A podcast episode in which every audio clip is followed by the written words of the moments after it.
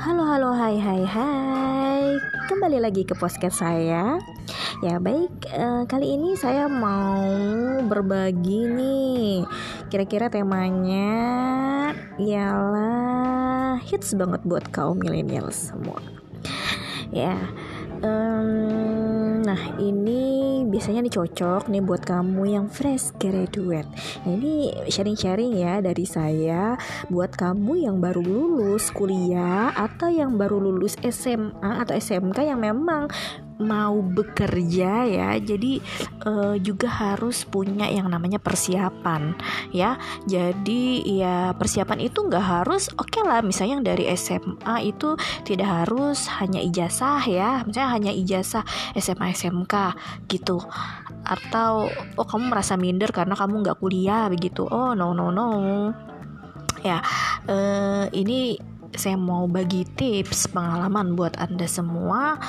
Uh, jadi teman-teman yang mau nanti ya di dalam dunia kerja, jadi memang dalam dunia kerja ini kita perlu penuh dengan uh, kompetisi ya ya. Yang pertama memang kita harus mengetahui ya dari diri kita sendiri. Kita harus mengenal dari diri kita sendiri kita ini cocoknya bekerja di mana sih gitu ya. Bekerja di lapangan bekerja di uh, di dalam kantoran begitu. Ada yang oh ternyata yang kuliah salah jurusan gitu. Merasa salah jurusan nih saya sebenarnya nggak cocok ini ngambil komputer. Saya nggak cocok uh, mengambil ekonomi. Saya nggak cocok cocok ngambil psikologi dan se uh, dan lainnya gitu. Nah, ini memang kita harus uh, mengetahui diri kita sendiri itu uh, seperti apa karakternya gitu ya, kepribadiannya seperti apa, sifatnya seperti apa. Nah, ini memang uh, sangat uh, berpengaruh di dalam lingkup kerja. Ya jadi di perkantoran ini banyak ada yang dia misalnya dia nggak sesuai sama kualifikasi tapi ternyata uh, kamu cocoknya misalnya uh, dia orang komputer nih ya dia orang komputer. Ternyata dia uh, punya bakat untuk bersosialisasi punya bakat untuk uh, menjadi apa ya uh, komunikator gitu. Nah ini biasanya kalau dalam perusahaan ada yang dia uh, oh cocoknya di, di bidang marketing. Ya jadi biasanya ditempatkan di seperti itu gitu. Jadi teman-teman yang penting anda harus mempunyai soft skill itu tadi ya soft skill hard skill gitu ya. Hard skill itu juga nggak harus dari jurusan kamu gitu ya. Hard skill itu bisa kamu mengambil dari bidang-bidang lain gitu. Jadi semua juga kita sekarang udah nggak uh, apa kita juga sebaiknya mempelajari juga di bidang lain. Dan tentunya sesuai dong dengan karakter kita gitu. Terus oh ada yang bilang nih uh, kan kita harus fokus ya harus fokus dengan bidang kita. Oke okay, it's alright gitu. Itu benar gitu ya. Um, jadi gini teman-teman memang kita harus uh, lambat laun gitu. Kita pasti akan menemukan uh, kita ini cocoknya yang lebih ke konsentrasi yang mana ya bidang yang mana seperti itu oke uh, itu dulu ya uh, sharing-sharing dari saya untuk kamu yang nanti bakal ke dunia kerja nanti banyak lagi banyak banget hal yang ingin saya sampaikan kepada kalian. Mungkin dari podcast ini saja dulu. Oke, semangat terus. Selamat belajar di rumah ini ya. Lagi musim pandemi ya. Tetap positif thinking, positif feeling teman-teman semua. Oke, sampai jumpa di podcast saya selanjutnya.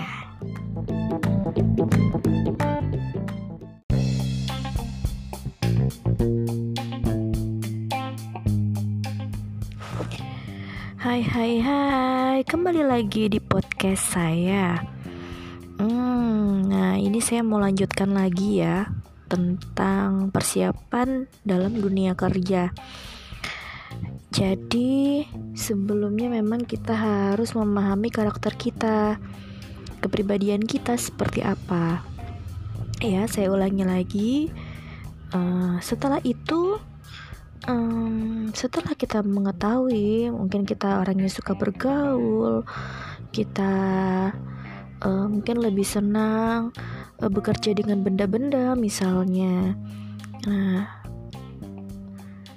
ya berarti kita harus mencari profesi yang mana sesuai dengan karakteristik kita. Seperti itu. Kalau semisalnya nih um, kita tidak sesuai ternyata sudah tahu di tengah jalan jurusan kita gak sesuai sama uh, kepribadian kita baik teman-teman jangan dipaksakan yang penting dalam bekerja kita harus menyukai dan sangat enjoy. Begitu. Itu sangat penting sekali bag, uh, karena apa? Nanti akan berhubungan dengan performa kita di tempat umum. Ya. Uh, selanjutnya Oke, okay, misalnya udah ketemu nih ya. Misalnya kamu orangnya suka bergaul gitu ya.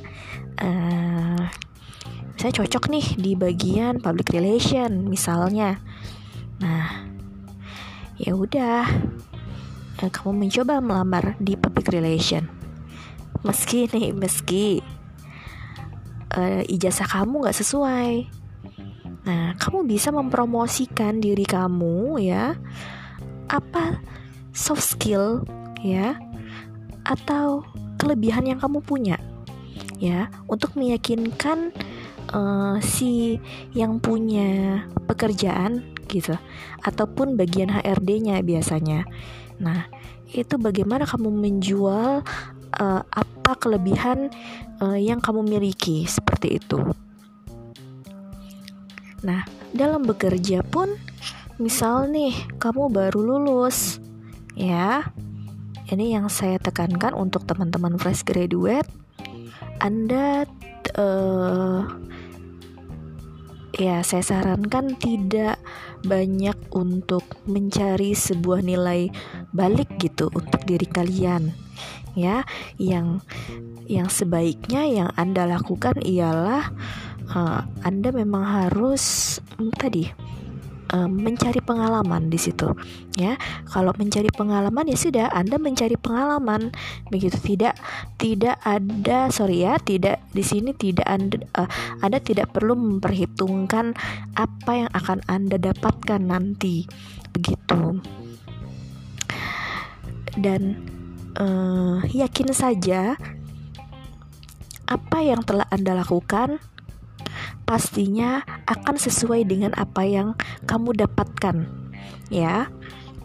Jadi untuk teman-teman yang baru fresh graduate ya yang belum punya pengalaman sama sekali ya tekankan bahwa anda di sini uh, mencari pengalaman. Itu tadi ya.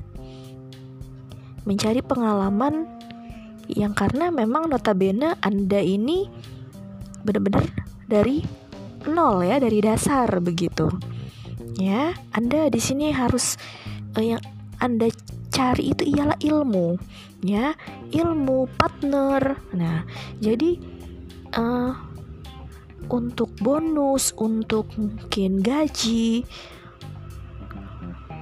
tolong uh, tidak uh, maksudnya tidak jangan meminta hal yang lebih begitu. Ya. Jadi yang anda utamakan ialah pengalaman anda ya. Ilmu. Ilmu dalam bekerja ilmu mengetahui lingkungan pekerjaan ilmu mencari teman-teman ya partner begitu. Oke teman-teman uh, tetap semangat. Semoga ke depannya Anda sukses ya. Jangan takut dengan dalam dunia kerja. Tetap positive thinking. Anda pasti bisa mengarungi ini semua gitu ya. Oke, okay, mungkin itu dulu podcast saya. Nanti saya akan lanjutkan tentang dunia kerja. Bye bye.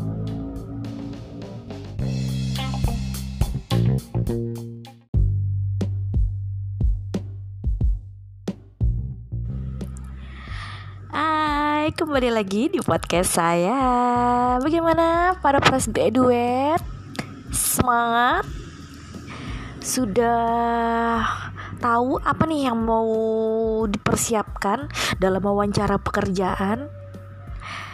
Oke, nah ini ngomong-ngomong nih tentang wawancara. Nah ini yang biasanya yang paling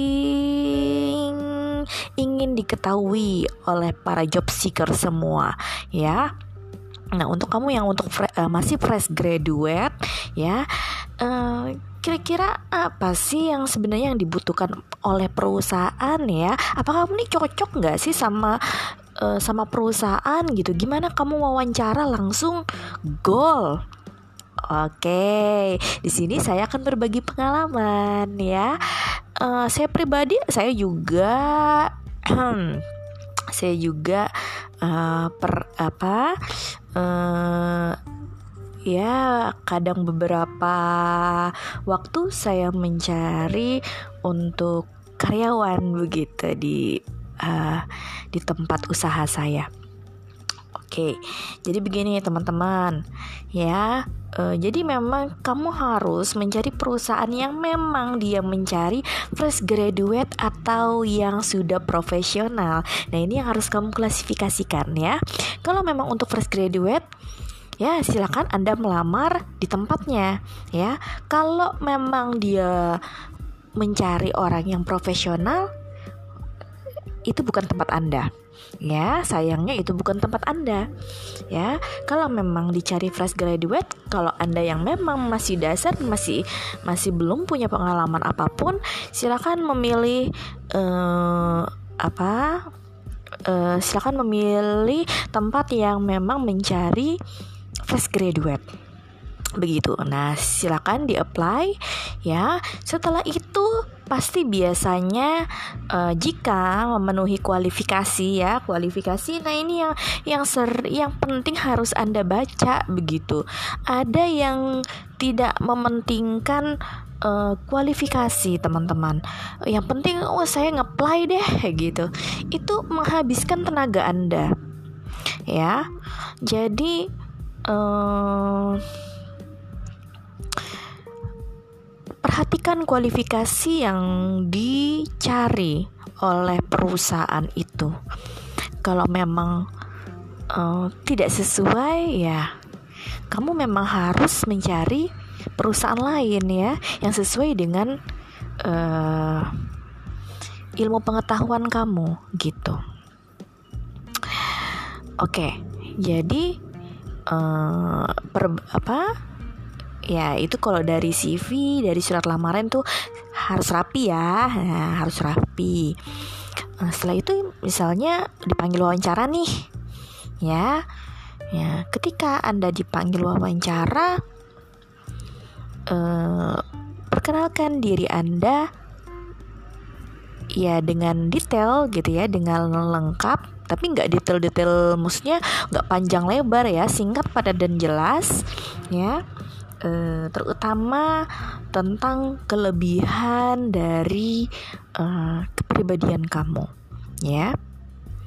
Kamu biasanya uh, kegiatan apa sehari-hari begitu? Kamu orangnya seperti apa begitu? Jadi yang diharapkan pada saat wawancara seperti itu kalau kamu hanya menjelaskan tentang biodata kamu itu sudah ada di CV kamu begitu. Ya jadi biasanya kalau HRD ataupun uh, owner dia akan menanyakan uh, keseharian kamu. Kamu itu sukanya apa? Jadi biasanya ngobrol-ngobrol begitu. Ya yang sifatnya lebih pribadi ya lebih ke kamunya. Ya nah nanti di situ biasanya owner ya atau HRD dia melihat begitu dari cara kamu berbicara, dari cara pandang kamu begitu ya. Nah, apakah kamu ini cocok dalam uh, posisi jabatan yang ada di perusahaan itu? Ya, kalau memang misalnya nih kamu tidak keterima ya. Tidak keterima di perusahaan itu ya sebenarnya tidak harus berkecil hati teman-teman. Ya karena memang uh, posisi yang ditawarkan itu memang tidak sesuai dengan kualifikasi kamu begitu. Bukan berarti kamu uh, misalnya nih uh, ada kualifikasi yang sesu apa yang kamu minati begitu ya. Tapi uh, bagi owner atau HRD kamu belum tepat ya. Gitu. Terus juga biasanya uh, dari segi ini ini sebenarnya sifatnya pribadi ya. Misalnya misalnya ada uh, owner ya atau pimpinan yang dia uh, membutuhkan karyawan yang luas misalnya ya. Yang cakap ya dalam bekerja ya yang uh, lihai dalam uh, berbicara ya tetapi ketika diwawancara Anda uh, terlihat seperti gugup gitu ya, terbata-bata begitu. Nah, itu uh, ya ya hal yang seperti itu hal kecil yang uh, bis, bisa tidak menjadi kualifikasi. Begitu. Jadi per, sangat perhatikan posisi posisi yang uh, dicari gitu ya. Nah ketika misalnya uh, di anda anda rasa oh saya udah sesuai gitu ya dan akhirnya uh, anda diterima ya anda diterima bekerja gitu di perusahaan itu. Ya yang saya tekankan sekali lagi uh, Anda tidak sorry yang saya bilang saya tidak uh, Anda tidak perlu uh, menanyakan gaji. Ya memang ada beberapa uh, saran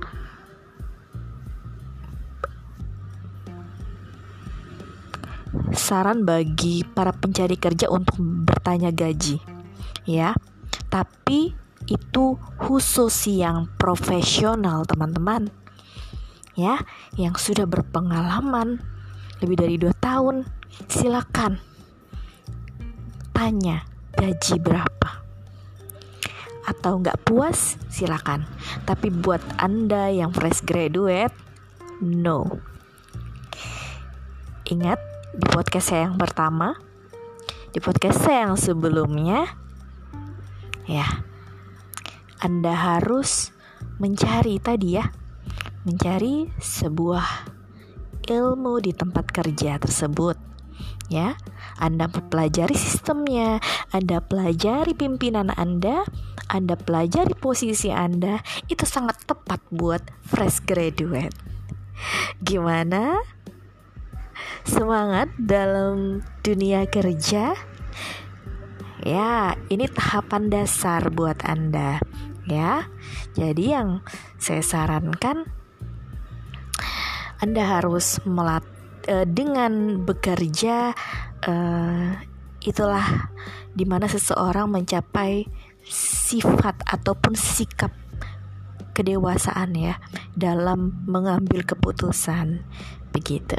Oke, nanti saya beri lagi beberapa tips ya. Uh, apa saja sih yang terjadi dalam dunia kerja? Gimana, teman-teman fresh graduate? Oke, okay, semoga uh, apa yang saya sampaikan bisa uh, diterima dengan baik dan uh, jika memang Anda belum berkenan dengan apa yang saya sarankan, ya mungkin ini menjadi masukan saja begitu ya. Ya, yang saya harapkan teman-teman uh, ya kita bisa uh, mencapai kesuksesan bersama-sama. Oke, tetap semangat terus, tetap positive thinking, positive feeling buat teman-teman semua. Sampai jumpa di podcast saya yang berikutnya.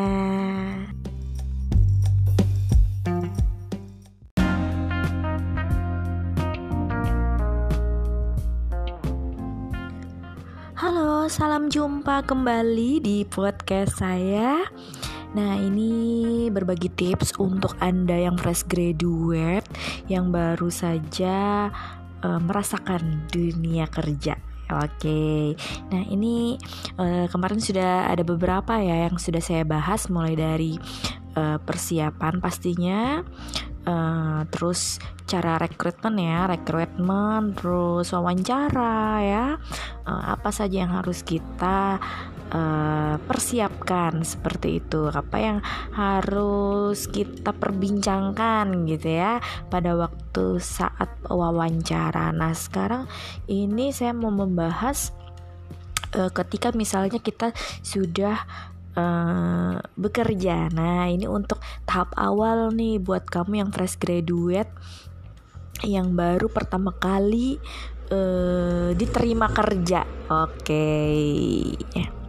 Nah, uh, biasanya kalau anak baru nih nggak di sekolahan nggak di kantoran ada yang iseng-iseng gitu ya yang uh, apa semacam ospek lah buat anak baru. Nah, gini teman-teman. Jadi uh, ketika misalnya ada teman Anda yang seperti itu di dalam pekerjaan, ya sebenarnya uh, ini yang harus an, uh, mental Anda yang uh, Anda kuatkan begitu. Jadi uh, memang berbeda ya uh, zaman dulu sama zaman sekarang. Mungkin kalau zaman dulu masih ada yang seperti itu begitu ya. Tapi kalau zaman sekarang ya seba e, sebenarnya sih tidak tidak pantas begitu ya ketika ada e, seperti ada perospekan gitu ya perpeloncoan di dalam dunia kerja. Tidak tidak. Nah jadi di dalam dunia kerja ini mungkin lebih anda e, cara berkenalan secara e, sopan santun seperti itu ya. Uh, jadi uh, Anda harus mengetahui dulu ya. Pertama uh, yang sebelumnya juga saya kasih tahu uh, Anda harus mengetahui posisi Anda di dalam uh, bekerja begitu ya di dalam perusahaan seperti itu. Ya, Anda yang harus Anda tanyakan hierarki Anda itu ada di sebelah mana? Ya entah di bawahnya divisi mana atau mungkin ada yang menjadi asistennya direktur siapa tahu ya who knows gitu ya. Gitu jadi teman-teman harus tahu gitu ya berada di bawah divisi mana. Nah biasanya segala apa pun uh, tindakan kita gitu ya kinerja kita akan selalu dinilai oleh atasan kita. Ya siapa sih atasan kita? Biasanya kalau kita di bawah divisi berarti atasan kita ialah kepala divisi ya. Kalau memang misal pun langsung owner berarti atasan kita ialah owner begitu ya uh, jadi perhatikan hierarki yang ada di dalam perusahaan ya bagan bagan organisasi di dalam perusahaan. Ya kita itu ada di posisi mana? Ya jadi biasanya kalau misalnya kita ada misalnya nih di dalam divisi marketing ya berarti uh, ketika kita mungkin uh, mengajukan ide atau misalnya punya izin kerja begitu ya.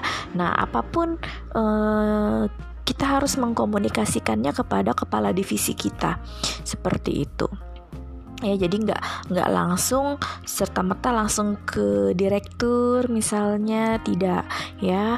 Uh, jadi anda harus uh, apa uh, berkomunikasi terlebih dahulu kepada uh, atasan yang di ya yang di atas Anda seperti itu ya sesuai sama bagan perusahaan gitu ya. Karena mereka ialah uh, penanggung jawab Anda ya. Jadi kalau kenapa-kenapa misalnya uh, mereka-mereka inilah yang akan bertanggung jawab terhadap kinerja Anda begitu.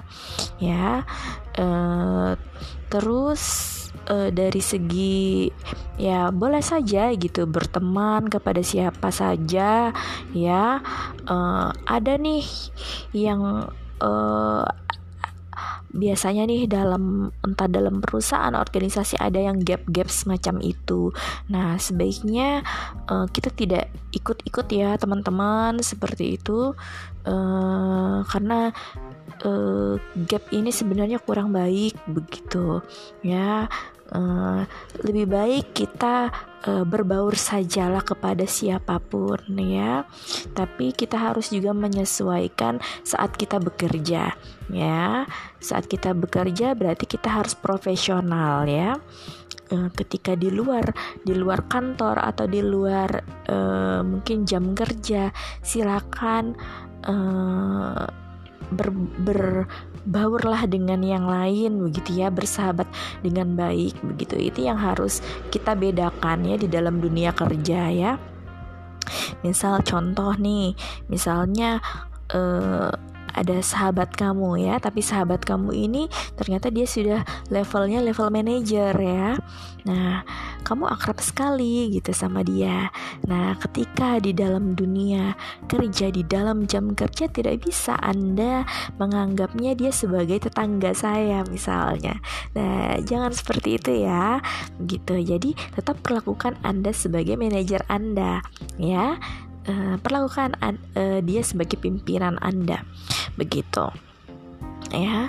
Uh, misalnya nih kok di dalam dunia pendidikan misalnya antara guru sama siswa ataupun dosen sama mahasiswanya nah ini kan eh, kadang ada yang oh ini saudara siapa gitu ya ada mungkin satu keluarga begitu ya nah memang eh, hal itu memang tidak dipungkiri teman-teman ya. Jadi kekerabatan itu pasti ada begitu. Tapi eh, dalam dunia kerja itu eh, jika jika ada berhubungan dengan sebuah aturan ya aturan kerja ya birokrasi semacamnya nah kita harus tetap memperlakukan eh, saudara-saudara keluarga-keluarga kita itu uh, selayaknya posisi mereka ya jabatan mereka di dalam pekerjaan itu ya jadi harus seprofesional mungkin kita uh, memperlakukan seperti itu teman-teman ya Oke, bagaimana? Sudah siap untuk di dalam dunia kerja ya? Oke, mungkin itu dulu sharing-sharing saya. E, jika ada masukan, boleh nih tanya tanya-tanya ke email gitu ya, atau ngajuin usulan apa nih kak gitu ya. Oke, mungkin itu saja. Semoga bermanfaat dari saya. Salam jumpa. E, jangan sampai kelewatan podcast saya. saya akan berbagi tips uh, tentang sharing-sharing knowledge yang lainnya. Oke. Okay.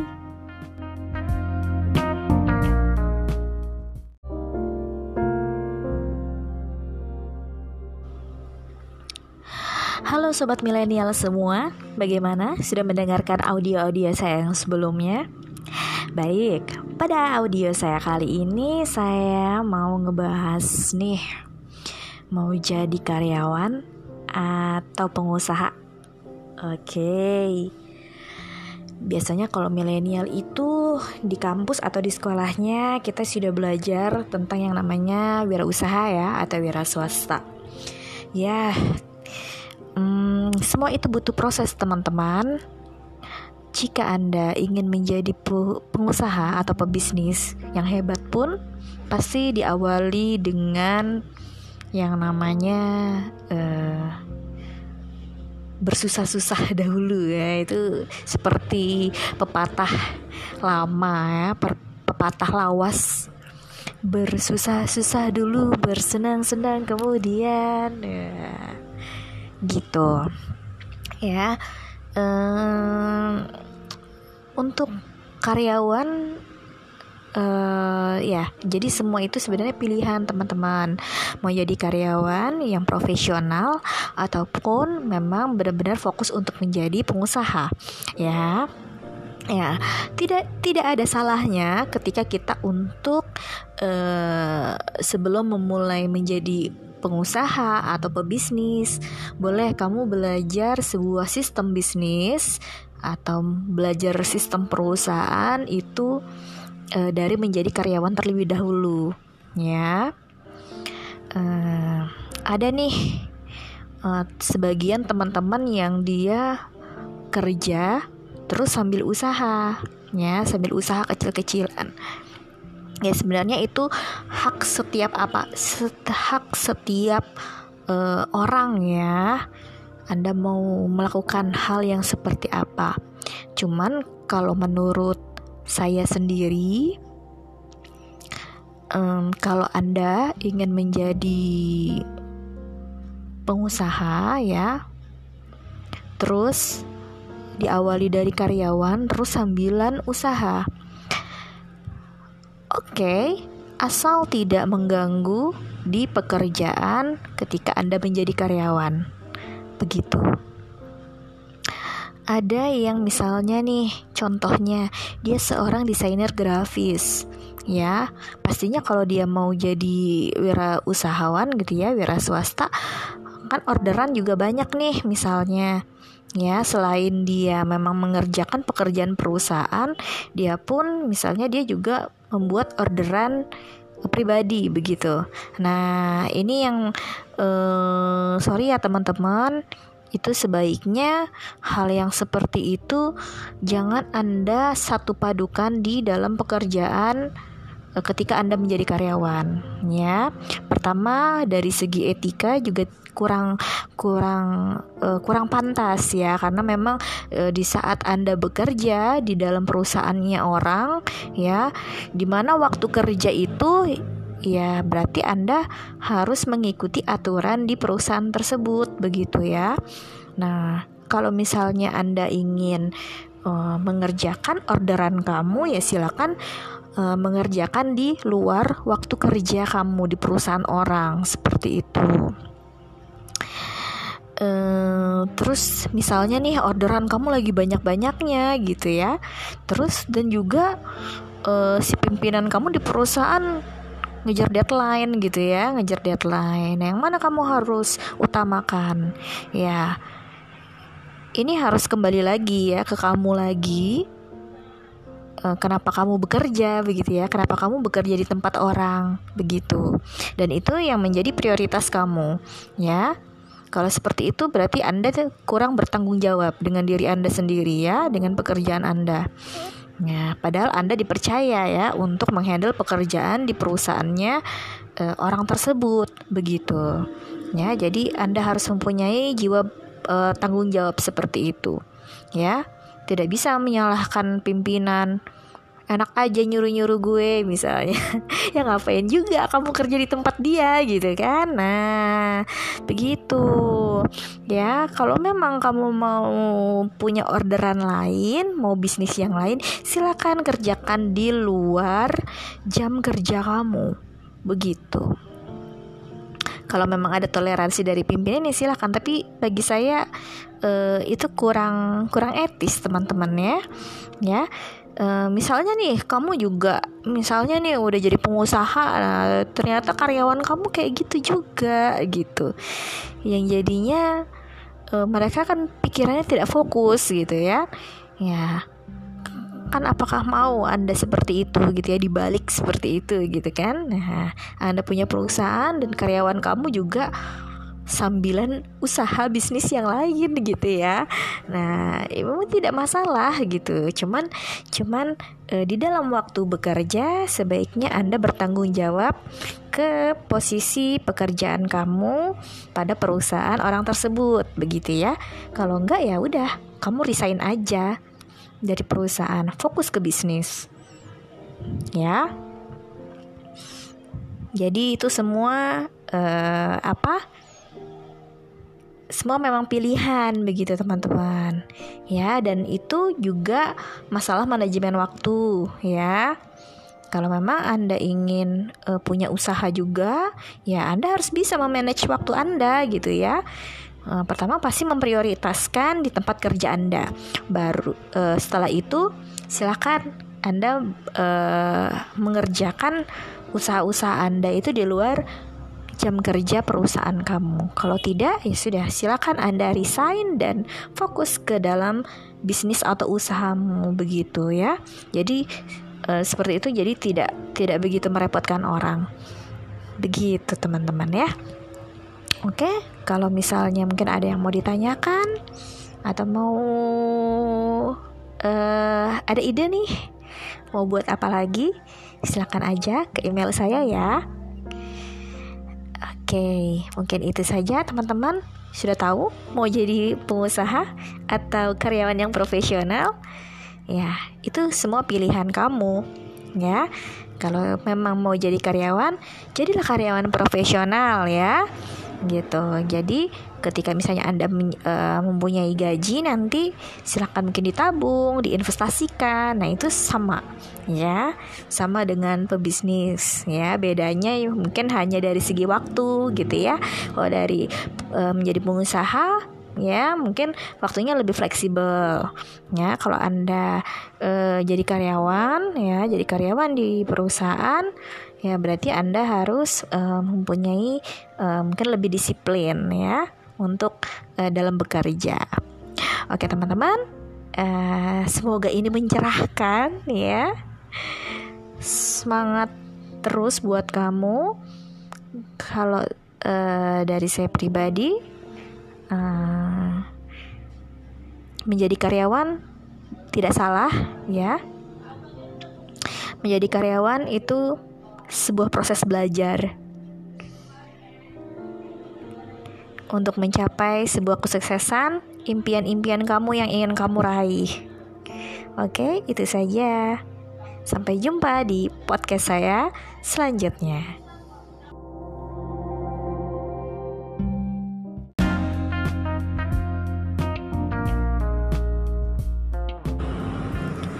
Halo calon profesional muda, bagaimana? Sudah menyaksikan kiat-kiat podcast saya uh, dalam persiapan dunia kerja?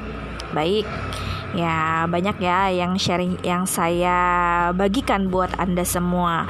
Nah, uh, nah pada kali ini ya uh, saya akan memberikan uh, gimana sih gitu. Kalau misalnya kita nih baru diterima kerja habis itu dapat kontrak ya. Kontrak satu tahun dua tahun ataupun cuman berapa bulan saja begitu ya. Oke gini teman-teman. Uh, misalnya nih anda dikontrak setahun dua tahun uh, terus ada pekerjaan yang lebih menggairahkan begitu ya. Ada pekerjaan yang mungkin gajinya lebih tinggi gitu menawarkan gajinya lebih tinggi. Udah tapi Anda sudah terlanjur mengambil uh, kontrak yang sebelumnya. Baik teman-teman di sini uh, ketika Anda sudah melakukan uh, pilihan ya salah satu pilihan gitu ya uh, ada baiknya Anda menyelesaikan sebuah kontrak yang sudah Anda pilih sebelumnya, gitu.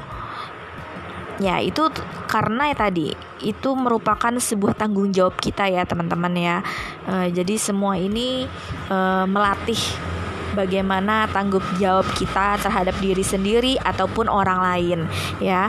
Ketika misalnya nih kamu sudah dikontrak di perusahaan A, sedangkan perusahaan B yang menawarkan gaji lebih tinggi tadi mengontak kamu. Tapi akhirnya kamu mengindahkan ya kontrak dari A gitu, kamu lari nih. kamu lari ke ke akhirnya ke yang B begitu. Jadi sebenarnya uh, dan ketika kita memilih seperti itu sebenarnya itu menjadi sebuah citra yang buruk ya bagi kita gitu. Ya e, karena kenapa? Karena pasti e, di perusahaan A pasti orang-orang di perusahaan A itu sudah menilai kamu ya memang sebenarnya memang tidak tepat begitu.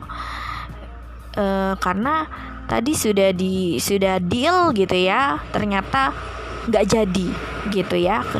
Nah sehingga image-nya kita ya image-nya kita di mata perusahaan A itu jadi kurang baik akhirnya ya. Kita tidak tahu perusahaan A dengan perusahaan B itu apakah berpartner ya. Nah seperti itu teman-teman. Gitu. Jadi uh, apa? Jadi ketika anda sudah mengambil kontrak itu gitu ya eh, jalani ya saya sarankan untuk menjalani ya. Uh, baik itu setahun dua tahun. Ya namanya juga anda baru fresh graduate. Ya fresh graduate itu nol pengalaman teman-teman. Ya yang saya tekankan juga dari awal yang awal podcast saya ya di sini anda mencari ilmu dan pengalaman. Ya itu yang hal yang terpenting. Ya meski meski uh, nilai yang diberikan oleh perusahaan tidak begitu uh, sebanyak tadi ya sama uh, perusahaan yang lain begitu. Ya tapi ketika misalnya Anda mengambil ya tetap mengambil uh, di perusahaan A tadi ya Anda jalani itu nah itu uh, seiring dengan waktu seiring dengan berjalannya waktu anda juga sudah mendapatkan kesempatan itu dan akhirnya nilai Anda menjadi lebih baik begitu ya. Uh, nilai nilai di mata uh, perusahaan A, citra Anda lebih baik ya. Anda punya pengalaman, ilmu dan ketika misalnya Anda mau mewawancara lagi ya Anda notabene-nya sudah bukan fresh graduate lagi ya. Berarti Anda sudah mempunyai pengalaman ya. Misalnya oh, saya sudah punya pengalaman 2 tahun. Ketika Anda mau melamar ke perusahaan lain silahkan Anda jual uh, nilai Anda ya. Anda bisa menawarkan uh, gaji pada diri Anda. Ya ingin digaji berapa? Gitu. Oke bagaimana? Tetap semangat ya. Uh, tetap positive thinking teman-teman semua. Uh, semoga sukses. Uh, mungkin itu podcast dari saya. Semoga tercerahkan ya. Oke sampai jumpa